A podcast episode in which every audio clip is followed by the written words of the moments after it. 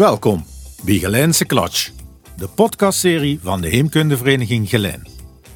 Voor 2021 staan vier uitzendingen op het programma, ene per kwartaal. Dit is aflevering 2 voor 2021. De podcastserie gaat over historische momenten in het leven Dat werden, dat koutelde en zo gaat. en bijzondere momenten in de sport, met verrassende oude interviews. Maar ik had misgerekend. Ook de jeugd komt aan bod. Jazeker. Just wie gesprekken met Lu over hun ambacht. Verdig. Uiteraard vuilal in het plat. Mijn collega-redactieleden zijn Peter Willems, Luc Broens, Marco Buizers, Jan Tonen en Ben Dols. Mijn naam is Wilco Aan de Kerk. Het eerste deel van deze aflevering is een verhaal over de Tweede Wereldoorlog in Gelijn. Door de ogen van de toen 10-12-jarige Zef Lemmens uitgeleid. Hij is inmiddels bijna 90 jaar. Ik sprak hem in februari 2021 en dit betrof vooral wat zich afspeelde voor de bevrijding in de omgeving van de tunnel naar de Lynchheuvel en station Lutteroo. In aflevering 3 volgt het tweede deel, maar dan meer over de gebeurtenissen na de bevrijding. Zef Lemmens.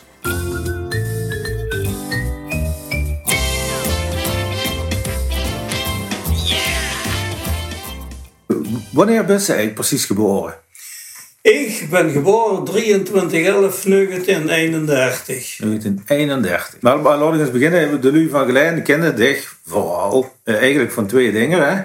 Van de winkel in de Anne Straat. Wie lang heb ze door eh, 34 jaar. 34 jaar. jaar. DHZ, doe het zelf. Hè? Ja. Doe het zelf, Lemmens. En, en hobbyartikelen. En van het toneel natuurlijk. Kennen ze ook. Ja, maar ik heb mijn gans leven toneel gespeeld, van Ja. jongs af aan. Ja. En dan en de laatste jaar heb ze heel veel gedaan voor de toneelclub van de Kronkel, toch? Kronkel, ja, maar ik heb dus op boeten af ook regie gedaan.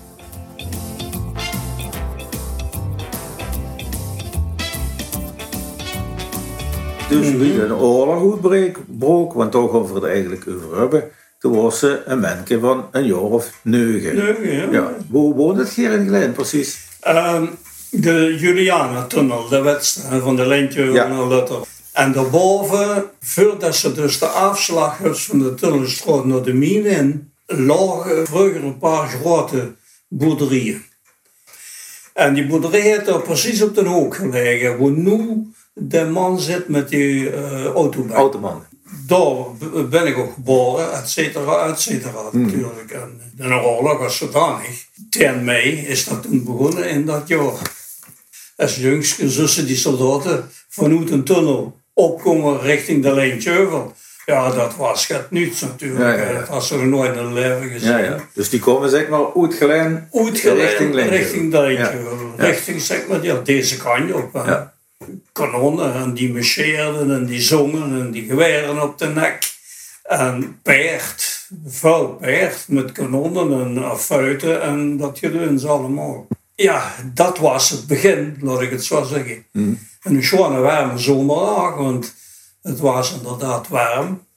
En in die huis bij ons, daar hebben dus nog van die militairen gezeten. Hè? Dus uh, uitrusten, gaan drinken en zo. gaat. En maar de morgen, is morgens vroeg, vijf, zes uur, word ik wakker en dan hoorde ik ja, geronk. Ik wist niet wat het was en zo. Maar ik- mijn kamer op de was aan de zijkant en die je naar boete kijken, dus uiteraard naar boven. En dan zag ik vleegmachine in de lucht. En dat, dat werd, dat koutelde en zo. Maar waar schade er gaat over dat woord. Dat was allemaal zo nu. Dat kon dus, eh, ja, laat maar zeggen, wie een, een, buur voor zich heen. En maar achteraf, een tijd later, er was in de gaten, hey, dat zijn dus vliegtuigen geweest die dus op één schoten. Ja. En dat is boven Geleen is dat gebeurd. Ja. in die, de eerste dag. Maar ja, dan Christen van alles erbij. De Joal, ja. Eh, Pruisen. eh Lu die wordt er opgepakt. eh bij ons in de straat ook. Controles. En dat soort dingen. En oppassen met alle mogelijke dingen. Dus met, met ja, de oude die zag dit niks. Ja, want dat was allemaal, laat van me zoveel mogelijk de mondje houden en kijken wat het wordt. Maar wat wel in de tijd naar voren kwam, dat was of de beste voor of de beste tegen. Dus laat we eigenlijk zeggen, achteraf gezien, het ontstaan van het verzet bijvoorbeeld. Hè. Ja. Wat in die Oosterloo natuurlijk ook een, een grote vlucht Ja, met name Joodse mensen wordt er dan opgepakt? Of? Uh, dat kostte eigenlijk niet, niet achterhalen wat okay, het precies was. De, de Joden natuurlijk, dat ik heb dat niet zelf metgemaakt, nog niet gezien.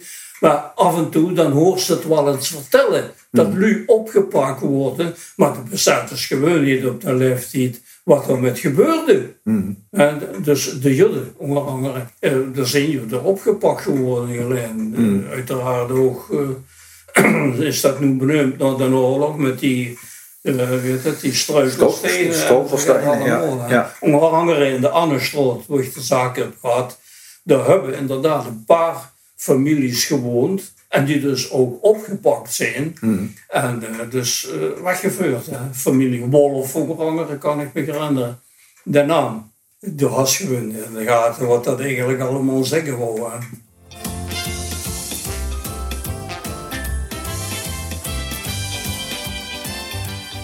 Die stellen nog ergens de vraag dat de meester wordt opgepakt. Oh ja, ja dat is ook zo gaat. Ik ben op de lintje onder de school gegaan. Dat was dus, uh, dat is allemaal weg nu. De school achter het gezellen. De Francische school, de legere school, daar ben ik uh, uh, naartoe gegaan. En dat was van de Burg. Dat is nog ergens een bekende naam geweest in Gelijn, meester van de Burg. Die vierde de verjaardag. Dat kan ik me nog goed herinneren. En als het goed is, is dat ook in EF40 geweest in de zomer. En daar stoken ze de vlag uit. Oh, ja. De rood-blauwe vlag. En uh, dat wordt opgepakt door de politie. Dat mocht niet. Dat mocht niet. Er wordt dat ook de tijd van de beroemde gaasketel. Ja, dat, dat uh, was ook midden in de zomer. Maar dat is, uh, als het goed is, is dat uh, 243 geweest, na het bombardement. Het bombardement is in 42 geweest. Ik kan me dat nog goed herinneren. Bij ons in de straat woonde een bakker, een bakker Keulis. En daar met zijn kar en peertje hij kolen gehaald op de kolenverkoop. Dat was een, een, ja, een overslagbedrijf, zeg maar, achter de stage in dat erop. En die kwam dus met kar en paard kwam de straat in en daar begon te schrijven, allemaal de sjoelkelder in. Ze gaan de gaasketel, uh, uh, werd het bescheten, zo het woord geroepen. En ik zie een man nog met kar en paard door de stad gewoon. En op een gegeven ogenblik kwamen dus vliegtuigen die doken omleeg. Dat zie ik nog gebeuren. Ja, daar steeds ze te kijken, wat niet precies wat het is. En die begonnen ook te zitten, de horen ze geratel op de gaasketel aan. Mm En op een gegeven moment dan komen de vlam.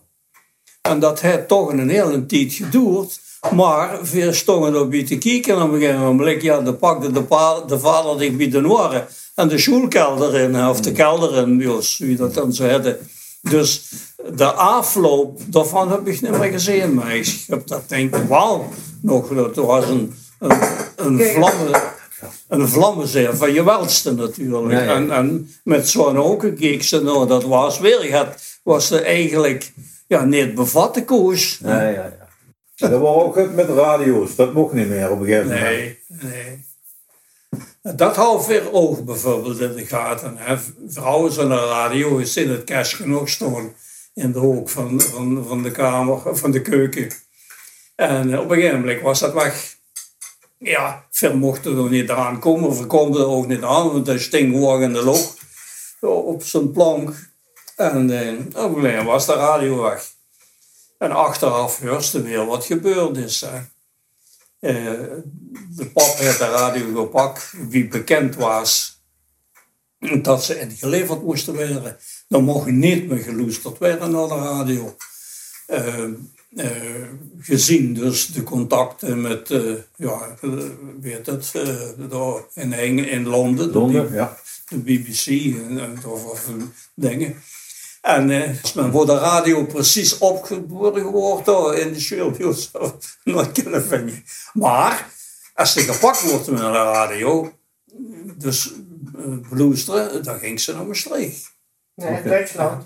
De Hannekes. Nee, Dat nog, nee, naar. Maastricht. Hanneke Ze heb toen nog op die kaart gewezen van dingen. Ja, Dat, ze naar, dat er naar Duitsland gebracht wordt. Dat heeft nu gewoon vastgezet. dat- ja. Ja. Er wordt de, de radiocentrale en even juist op Drieksweg was het die, die grote de toren die nog afgebroken Ja, is. ja. Hoe mijn broer nu kantoor heeft. Ja. Oh ja, want Geer woonde, want dan moet ik dat er nu even bij vertellen. Zij is getrouwd met Kitty Kalle, ook van Glen. En die kan natuurlijk ook van alles vertellen. En Geer zegt, je wo- je woont op de Rijksweg, ja, en je behoort inderdaad, dat accountantskantoor, dat is er nog immer. En de meneer is naar Duitsland eh Ja, vervuurd. Duitsland is ze geweest. Nu gemaakt. De buurman, hè? De buurman, ja. Ja. En de pap van ons is drie dagen weg geweest, maar. Uh, naar Maastricht. Maar En Maastricht dan? hoeveel? Oh, dat hebben ze Weet nooit ik niet meer, ja. Ja, maar je moest weten, in dat kantoor, het, als dat op wet in een hele hoge toren gestaan. Die is nog eruit afgebroken. Dat zit mij niet zoveel. Ja, en dat was de radiocentrale, heette dat.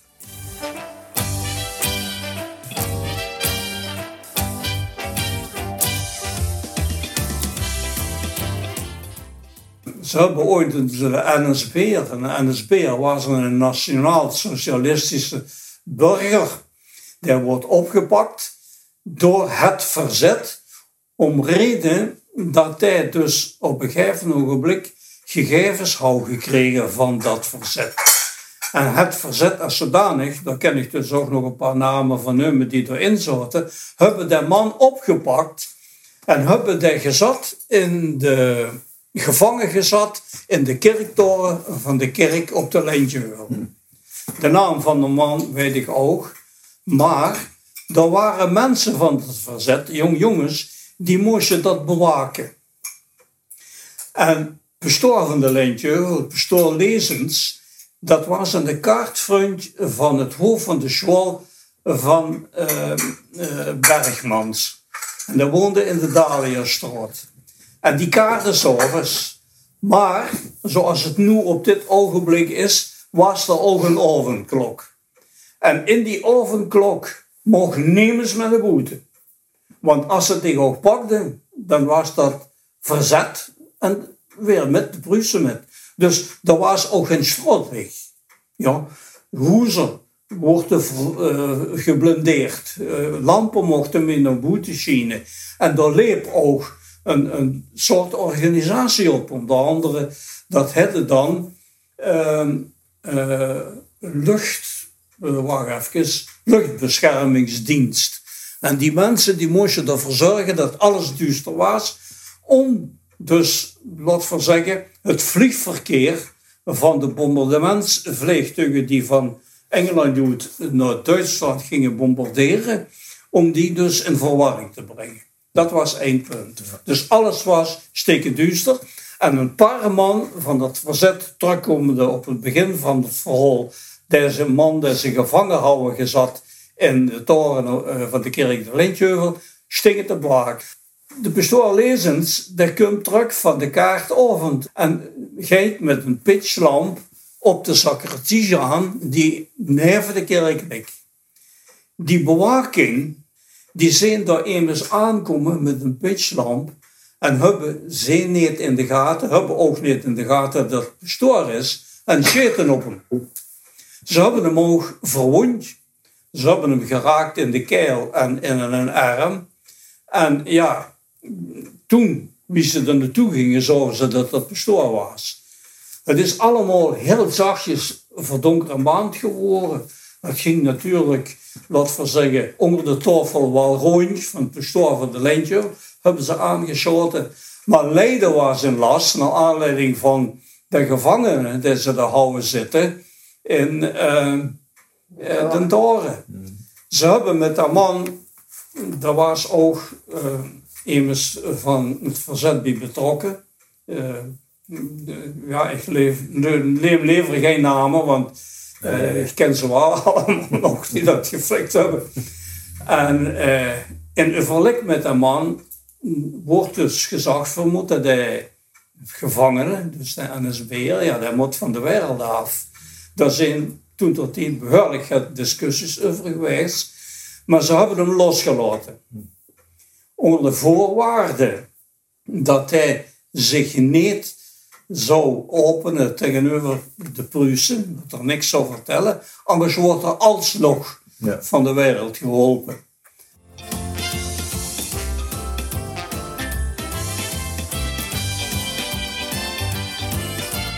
Wat in oorlog natuurlijk ook naar boven kwam, dat was zwarthandel.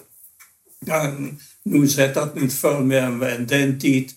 Zwarthandel, dat uh, was het, uh, de levensmiddelen waren raar. Ja, ik kan me herinneren, eier en boter en dat soort dingen, ja, dat was levensduur. ik kan me herinneren dat een kilo boter, bijvoorbeeld wat ik nog bij andere weet, dat kostte ja, 20 gulden. Oh. Ja, ja. En er zijn ook boeren geweest die daar echt van geprofiteerd hebben.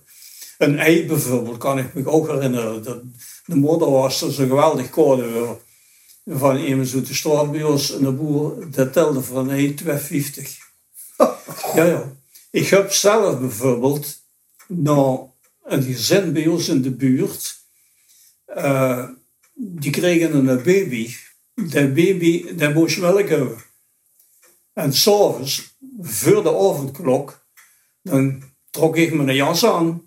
En dan met een fles vol melk ging ik naar dat gezin melk brengen. Dat dat kind gaat houden, dat kan ik me nog herinneren. In de ministerhuisstraat heeft ook een boelmateriaal gelegen. En een zekere familie Hoofs. Het was een oude echtpaar. En dan bracht ik dus ook s'avonds uh, melk, een liter in de tas. En dan kreeg ik, en dan moest je voorstellen, uh, dan kreeg ik, dat ding ik dus een dag.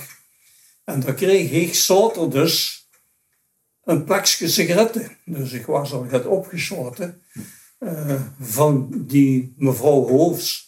Dat was een dank dat ik tot de melk bracht. Hm. Zo was dat in den tijd. Terugkomend op de zwarte handel, er wordt ook gebruik gemaakt, toebak bijvoorbeeld. Ja. Dat was niet meer te betalen. En er wordt zwart gehandeld. En wie dat gebeurde, weet ik niet precies, met Belgische toebak. Nou, dat was zo zwart wie uh, een kool. En in grote zak, dus zak, eh, zo'n baal van ja, 40, 50 kilo. En op een gegeven ogenblik stond veel in de hoesweg bij ons. En veel zien immers met een kar aankomen. En dat was immers uit de buurt bij ons. En die gooide in die wildernis, die dus neven waren, ons was, gooide een paar zak neer. Die wildernis is ontstaan nog naar aanleiding van het bombardement, want er lag in dat tijd het casino van de staatsmijnbeambten in die tijd. En daar lagen twee woningen bij van twee directeuren van de staatsmijnen.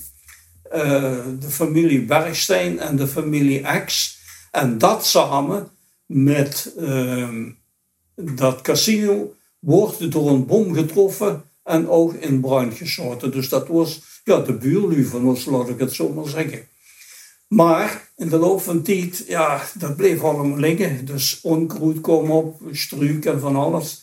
En de aanleiding daarvan gooide de bewuste man die zak met de toebak in. Een paar kameraadjes ontdekte veel dat. Ja, dat is toebak. Ja, verwisten ook toebak. Dat was onbetaalbaar. Dus vermaakte van gezette papier, maakte veel zo goed en zo kort. Dat ging tuutjes, duwde daar het toebak in. En de mijnwerkers bij ons achter, als die dus van het werk kwamen, met de koel, ja, zo, toebak, toebak. Ja, die waren gek naar den toebak natuurlijk. En een mum van tijd waren veel bekend dat veel de, de toebak verkochten in, in, dingen. Dus op dat minterrein daar. Dat het, ja, hoe lang weet ik niet, maar toch een tijdje goed gegaan. Ja, die centen wat ze ermee gedaan hebben, weet ik dus ook niet meer. Maar verder kochten dat natuurlijk voor een appel en ei. Terwijl dat uh, de toebak was ontzettend duur in een tijd. Maar ja, op een gegeven moment begon ze om toch te kniepen. Want verholde dat natuurlijk met die zak die door in dat strook was gelogen. Hij was er toch maar gestopt daarmee. De oude fiets, eh, uiteraard. Maar dat was zo versleten, als een fiets ook versleten was, dat was niks meer zwaar en dat was gewoon geroost. Maar dat ding dat gebroekte, eh, eh, daar ging dan met het vaantje, wie dat zo was in de tijd. En ja, daar stoken ze, zijn er nog eens, er ging een reek stoken dan achter zo tegen de, langs de, dat frame. En hopsakee, daar ging er. De fiets, daar wordt dat toch hummer gebroken en dat sting altijd, als ze ons het water komen, aan de binnenkant van de poort. En op het einde van de oorlog, dus wie de Pruisen aan het terugtrekken waren, eh, komen ze dus van de lijntje nu weer de tunnel nog maar door, maar dan niet met station. Als we in mei 40, dat was een chaos eigenlijk, aan wie die terugkomen. Met van alles wat uh, rollenkoers en, en lopen en, en niet georganiseerd en, en één totale band. ja, dan kunnen de militairen en soldaat kunnen, uh, onder de poort lopen, verstikken de boete te kijken. en uh, nou, die militairen, die snapt zich de fiets en de tunnel af en de pap erachteraan. En lopen en schellen en doen en zo. En even later komen we terug en, en nou, het veel met. Ik zeg, ja, dan, de fiets weg. Toch zeg, je toch niet weer met de ketting op mijn af. Ze heeft ook nooit gehoord.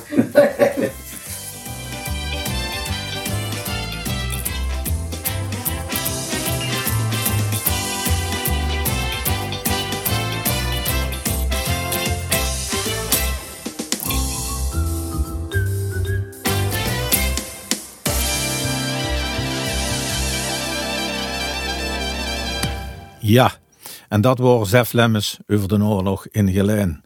In aflevering 3, in het derde kwartaal van dit jaar, hoort Geer het tweede deel van dit interview, wat dan voornamelijk gaat over de periode na de bevrijding.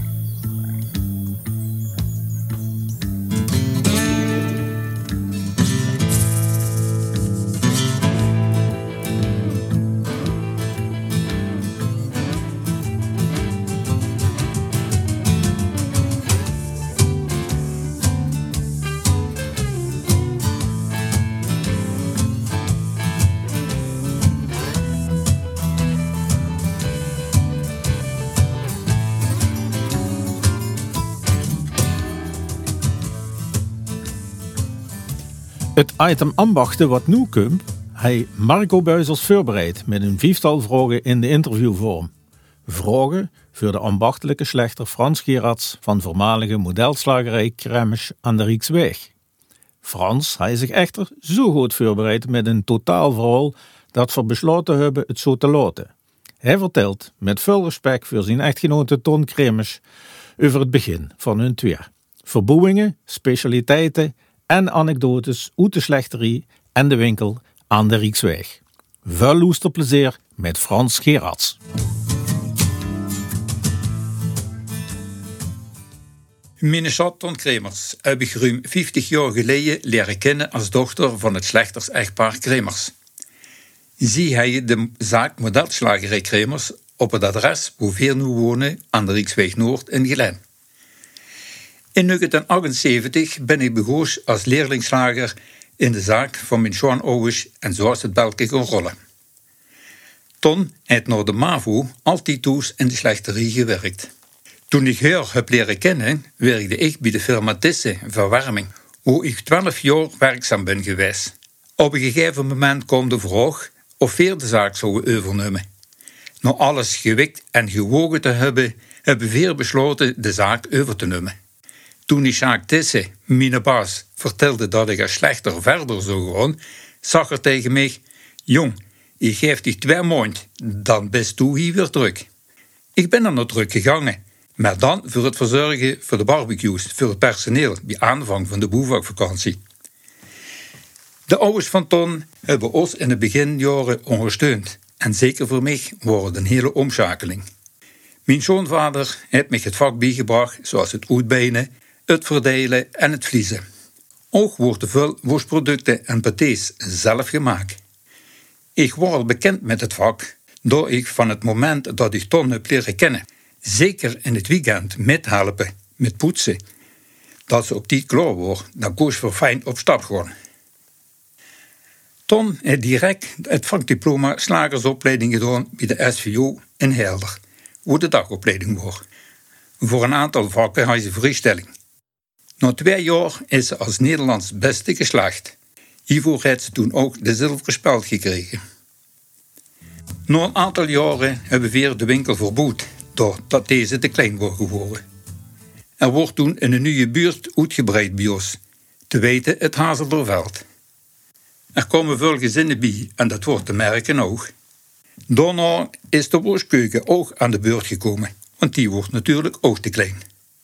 Het rindvlees dat wordt gekocht door mijn zwaanvader bij een veerboer in Genoot. Het slachten dat wordt gedaan in het slaghuis. Hoeslachtingen die worden toen niet meer. Worden er geen eigen veer, dan wordt het vrijdesmorgens uitzoekig geblazen in het slaghuis. Op maandagmorgen, vroeg, dan wordt het vlees geleverd en dan wordt het uitbenen geblazen. En alles verzorgen. De dinsdag, dat wordt de woensdag. Dan werden verschillende woestproducten gemaakt.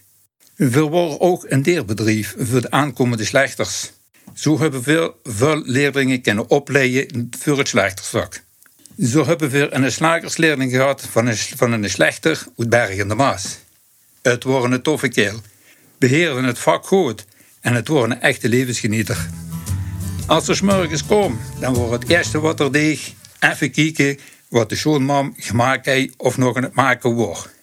Dan wordt het balken brei, uitvlees of ander lekkernij. En moest het altijd eerst even proeven.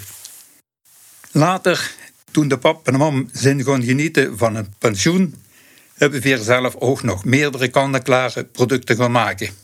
Dat worden zo'n 10 tot 15 verschillende soorten sop.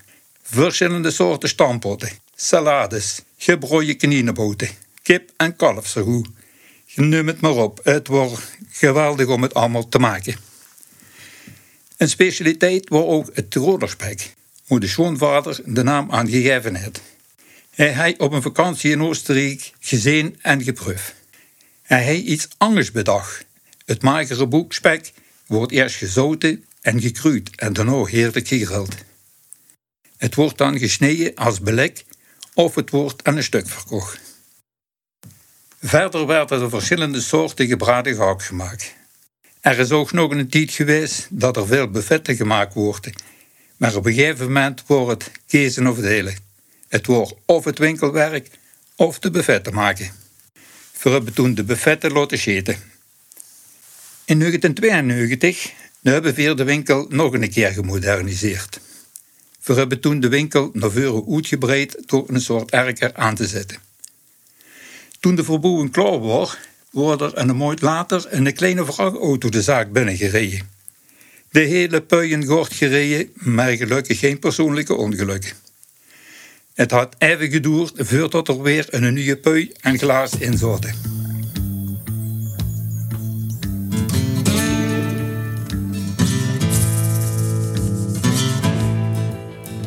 Wie hebben weer het verenigingsleven beleefd en vormgegeven? Eerst moet ik eigenlijk nog erbij zeggen dat we in 2014 het 75-jarig jubileum ondergevierd hebben. Ik ben al 52 jaar zanger bij het Geleinsmannenkoor Mignon, hoe ik nog altijd lid van ben. Samen zijn we ook nog bij Dik Betaald geweest, het grote carnavalskoor van Gelen.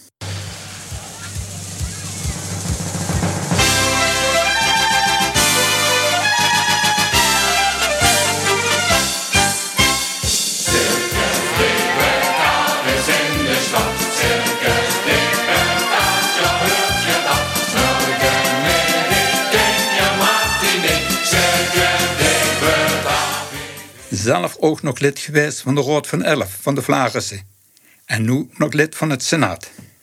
Het is natuurlijk wel een beetje passen en meten geweest, maar het wordt te doen. In 2015 zijn we gestopt met de zaak en zijn we met pensioen gegaan. We hebben altijd gezegd, met 65 jaar, verdig. Ton wordt dan ook al meer dan 50 jaar bezig. We hebben eerst geprobeerd de zaak te verkopen aan een opvolger, maar dat is niet gelukt. Als ze nu nog ziet dat er nog maar drie zelfstandige slechters zijn in Geleen, dan weet ze het wel. Wie weer begoosde, worden het er 33. Er worden geen opvolgers te vinden. Het grote probleem worden de financiën.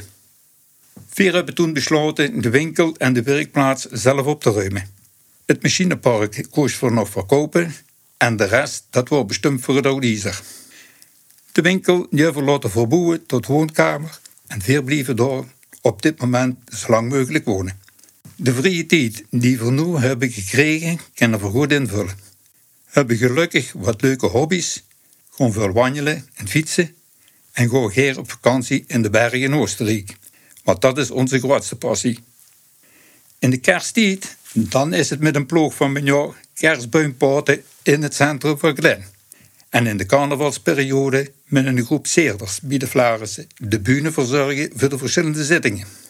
Zo zie ze maar van stilzitten achter de graniums hebben we gelukkig geen tijd. Verdig.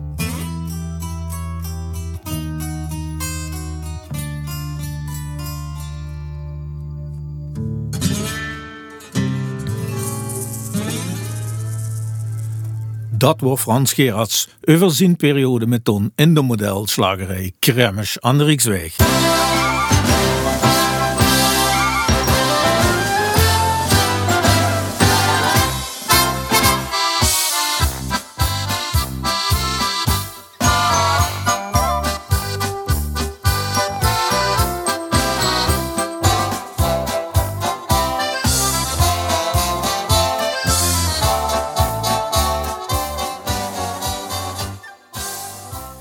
En wij aflevering 1 uitgeloesterd, de het gehoord dat we ook de jeugd aan het woord laten. Dit keer geen gedichten, maar een interview met en een verhaal van Daisy en Sam van Lef. Lef is het jeugdtheater van Geleen. Marco Buizers heeft hun geïnterviewd over Lef en wie ze door met de coronatijd zijn omgegangen. Theater maken. Wie geit dat en wie leuk is dat? Veel vragen dit aan Daisy Vase en Sam Luiks, spelers van jeugdtheater Lef in Geleen. Ze hebben elke week op woensdag theaterles samen met professionele docenten. Verder maken ze voorstellingen in de concertzaal van de Hanenhof in Geleen. Daisy en Sam, wilt je ergens voorstellen alstublieft? Jazeker. Ik ben Daisy Vase. Ik ben 15. Ik zit op de Capo College in Sittard en ik zit al zeven jaar op toneel. Ik ben eh, Sam Luiks. Eh, ik ben 16 jaar. Ik, eh, woon, ik woon in Kelming, gemeente Beek. ik woon samen met mijn ouders, mijn broertje en mijn zus. En ik ben leerling op het Groenwald van VMBO basis 4. Daisy, wie ziet voor u nu een gemiddelde les uit in de Hanenhof? Nou, we beginnen meestal met een opwarming. Een soort spelletje is dat. Het is iedere keer ook weer anders. En dan nog gewoon voor lekker aan de slag eigenlijk. De ene keer improviseren. Ja, en de andere keer gewoon voor met foto's werken. Dat is eigenlijk verschillend. En als afsluiting gewoon voor altijd afspringen. Ja, afspringen 60. Wat is dat dan? Ja, afspringen is eigenlijk dat we naar iedereen kijken in de groep. En dan tegelijkertijd zakken door de knieën. En dan tegelijkertijd springen en heel hard schreeuwen. En op het einde als we stilstaan, dan staan we een paar seconden stil. En dan is het afgelopen. Waarom heb je alle twee bij LEF aangemeld? Uh, waarom ik me aangemeld heb bij uh, LEF is omdat ik uh, toneel heel leuk vind met qua tekst en qua bedenken van stukjes. en ik vind het eh, fijn om bij Lef te zitten, omdat, omdat ze daar echt zichzelf kind zijn. Nou, ik heb me aangemeld eigenlijk omdat ik, ja, jij iets, ik wil op zoek nog het nieuws. Gaat waar ik mezelf bevulde. En een beetje op mijn schulpje kwam, want ik wil nog best wel verleggen. En ik hou eigenlijk wel van creativiteit en lekker bewegen. Dus ik dacht, waarom ook niet? Eigenlijk. Uh, Sam en Daisy, ja, van leven in een bijzondere tijd. Nu heb je uw gedachten over de coronatijd opgeschreven. Wilt je dit met de luisteraars van de podcast eens delen? Nou, uh, wat ik wil zeggen over deze coronatijd is uh, dat het soort theater wel echt wat met mij heeft gedaan. Het spelen van, uh, met elkaar achter een uh, scherm is echt een andere ervaring dan met fysiek. In deze onderlessen heb ik gemerkt dat ik veel, veel, veel meer moeite moest doen om dingen te bedenken dan dat ik het fysiek deed. Uh, met theater kan ik echt mezelf, zien en heb ik echt het gevoel dat ik alles kan zeggen en kan doen. Uh, zingertoneel, uh, ik zingertoneel leef ik in een wereld waar ik eigenlijk onzeker blijf en waar ik niks kan doen. En in de wereld van toneel kan ze echt gewoon zichzelf zijn en alles zeggen.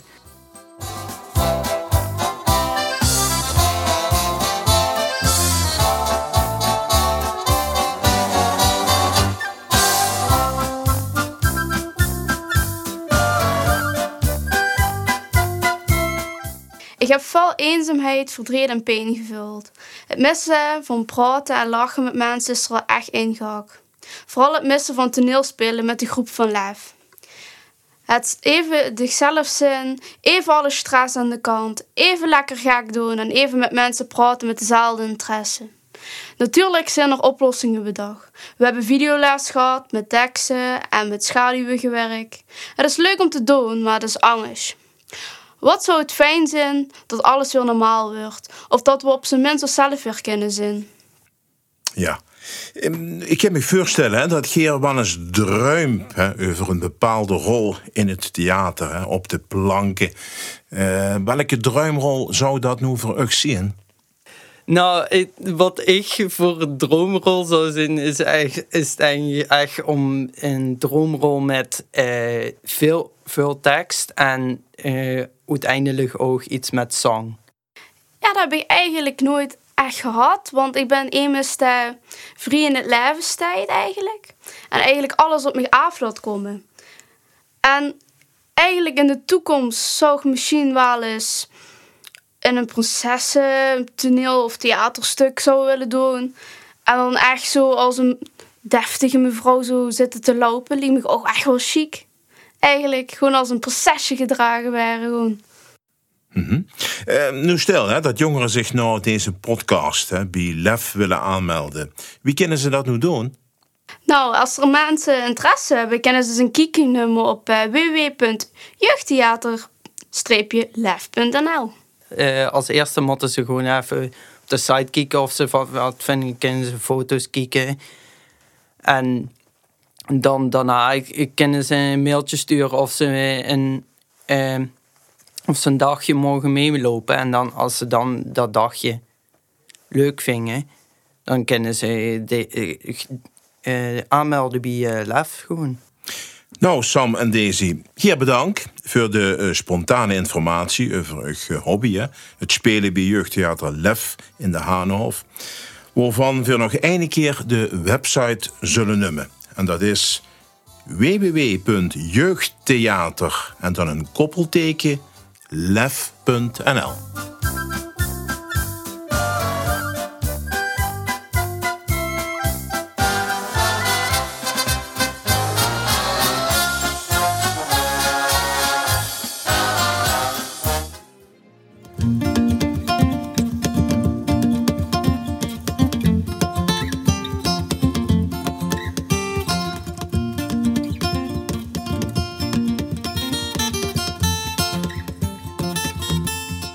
Aan de muziek is te horen dat we gewoon wisselen van thema.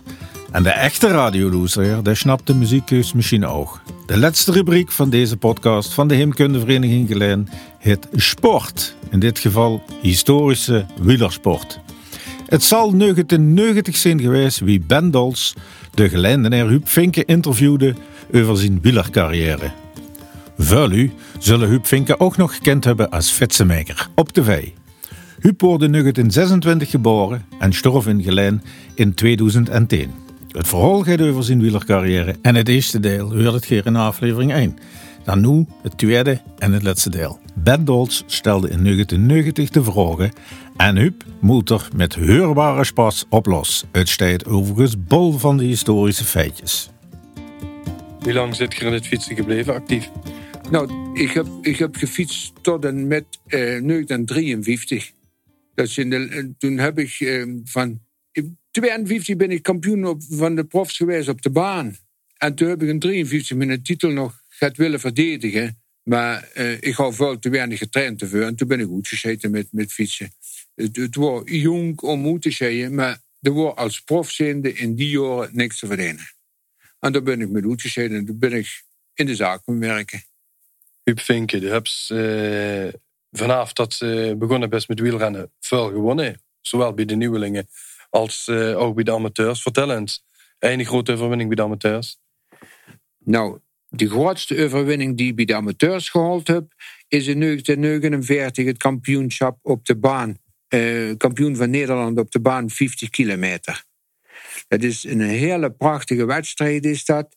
En dat deden eigenlijk hoofdzakelijk eh, de goede wegrenners deden door aan mid, maar eh, ook de echte baanrenners. En in het noorden, moet ik zeggen, houdt te veel van die baanrenners in Amsterdam en in Rotterdam en die steden, waar die baan waren. Want eh, Amsterdam is gelukkig met dat eh, Olympisch Stadion wat ze hebben. Ja, maar dat ze het gaan afbreken. Maar eh, ze willen het vernieuwen en zo gaat. Maar de wedstrijd van die 50 kilometer, dat is een hele fijne wedstrijd. Dat hebben ze uitgevonden direct na de oorlog, omdat ze onder de oorlog niet achter motoren mochten fietsen.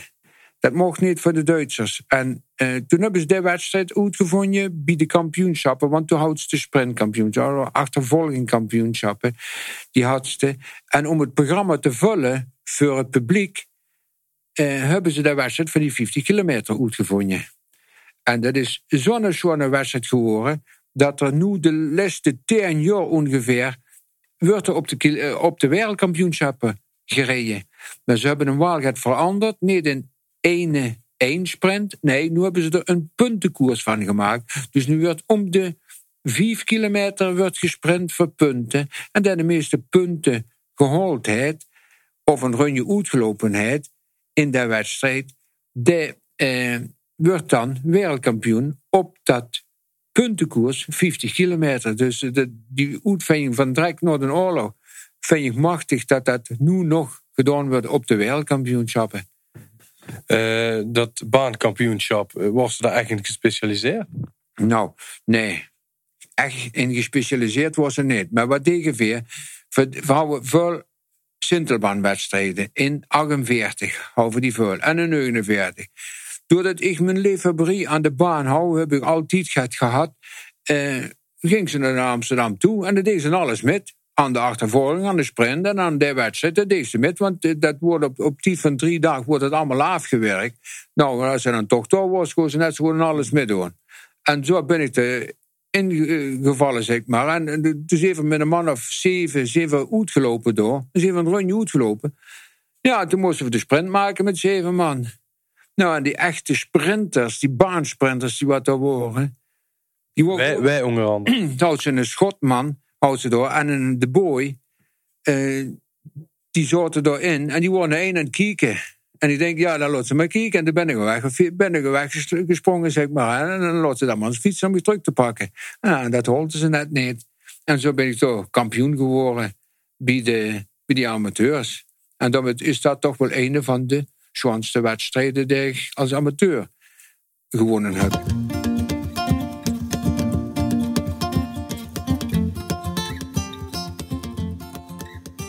In uh, 1952 werd ze op dezelfde afstand, op dezelfde baan, of op een van dezelfde banen, werd ze kampioen bij de profs, hè? Ja, dat was op dezelfde baan. Wordt dat eh, in het Olympisch Stadion in Amsterdam. En eh, daar waren we met de profs bezig. En er waren ook een paar man weg. En eh, ik moet dit zeggen, toen kwam Jan Nolte, daar kwam ik langs. En toen leed ik een beuk naar Jan van eh, door gewoon. En is daar doorgesprongen. En ik ben daar aan het wiel. En toen de, het, het de achterstand overbrug naar die andere toe. En toen ben ik direct doorgegangen. En toen moest ik twee runje nog gans alleen rijden. En dat was één kilometer, want die baan is 400 meter in Amsterdam. Toen moest ik gans alleen rijden. En ik hoorde net kom van Vliet met Derksen, de echte grote sprinters. Die komen net tot aan mijn wiel. Wie is in ze niet gekomen? dus zo heb ik dat kampioenschap gewonnen. Van Vliet Derksen, dat waren toppers, hè? Dat waren heel grote toppers. Hè? En die hielpen ze jongen om mij terug te pakken. Maar dan was, was ik toch nog net get te sterk. Hè? Dat, zal uh, Wielerm in het Nederland toch wel opgekeken hebben. Oh, dat, dat, dat, dat is net het mooie van de wedstrijd van die 50 kilometer. Hè? Dat de grote mannen zo wel eens van kleineren om de oren kregen. Hè? Dat is het mooie van de wedstrijd. Hè? Worden er nog uh, andere wedstrijden bij de amateurs en de profs die, uh, die zich echt uh, nog in het geheugen liggen? Nou, met van de zwaarste wedstrijden. Ik heb dus straks gezegd over die wedstrijden van, van die kampioenschappen op de baan. Maar hier in Limburg moet ik zeggen dat de Tour en Wielerclub in, van Maastricht in die jaren toch wel de topclub van Nederland wordt. Mogen gerust zeggen, die Limburgse club. Er worden in het de eerste wedstrijd die gehouden wordt na de trainingsritten, wordt de clubkampioenschap. En die wordt altijd in Berg op de Uitsteeg gehouden. Nou, het is onvoorstelbaar, maar toen waren bij die clubkampioenschappen meer publiek als nu bij menige profwedstrijd. De liep gans Limburg verleg om daar bij te zijn bij die clubkampioenschappen. Zo mooi waren die. Nou, en dan moesten de amateurs, die moesten dan met de profs samen fietsen. Dus ik als amateur zinde, moest samen fietsen met wie bijvoorbeeld, oudste die, die Limburgse profs, dat was Chefke Jansen, Jan Lambrechts, Jacques Seeën, George Zweetser, oud Snelle, oud Joep Sabelberg. Dat waren toch allemaal gerenommeerde profs.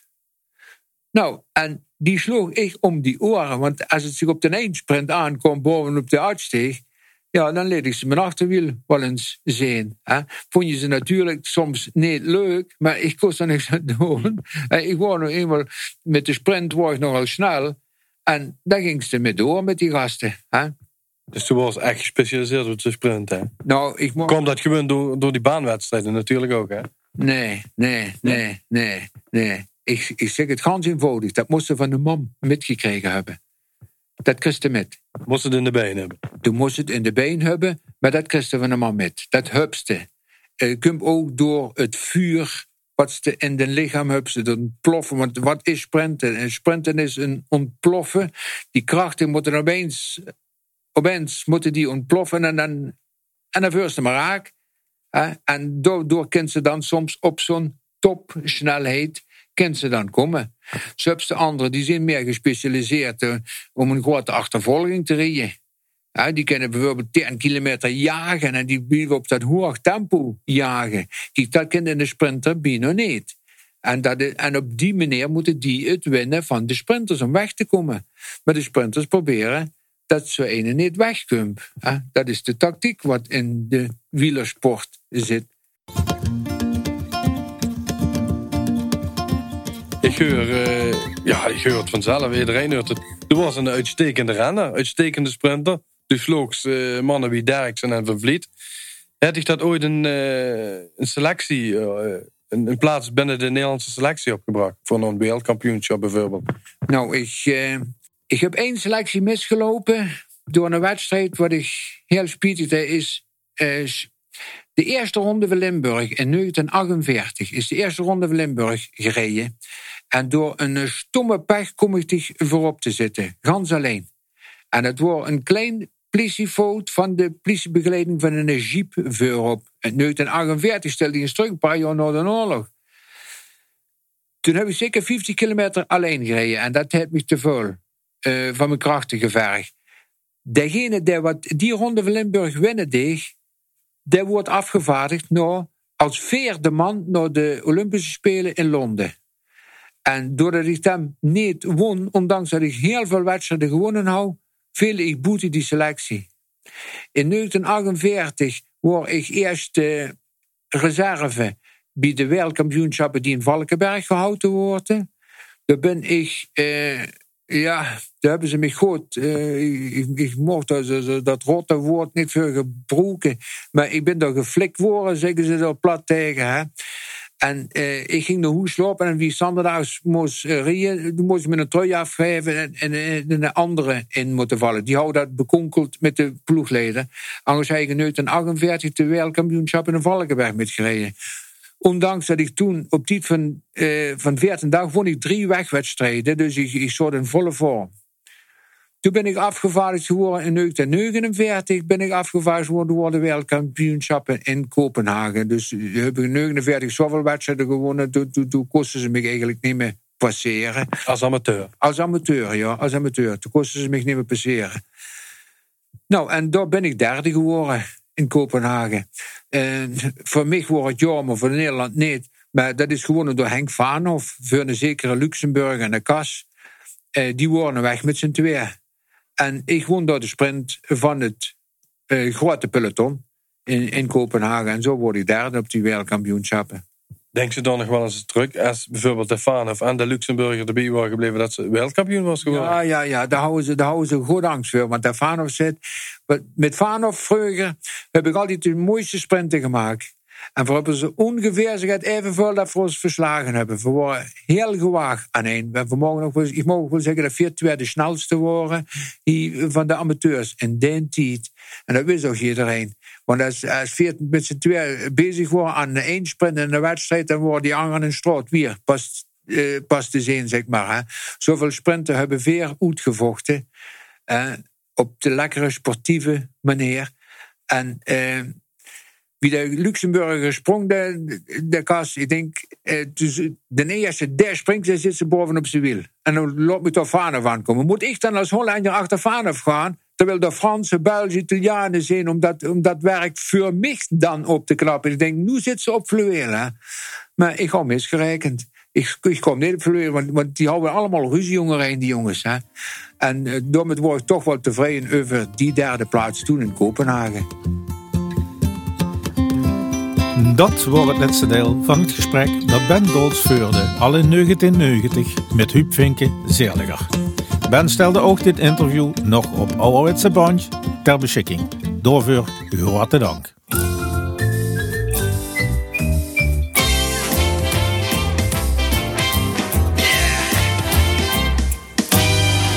Leef lu. Dat was hem weer. Aflevering 2 uit 2021 van de podcast van de Heemkundevereniging Gelijn. Ik dank alle lu die hebben metgewerkt. Heb je ideeën of kritiek? Laat ons dat weten. Mail ze naar info.heemkunde-geleen.nl Veel zijn nog op zoek naar jeugdige metwerkers. Dat kan in de vorm van een gedicht, een verhaal, maar ook met een eventuele rap willen we helpen. Namens de redactie Jan Tonen, Peter Willems, Luc Broens, Marco Buizers en Ben Dols. Mijn naam is Wilco aan de Kerk en over de maand of drie lanceren Veervrug aflevering 3 van Gelijnse Klatsch. Bedankt voor het luisteren.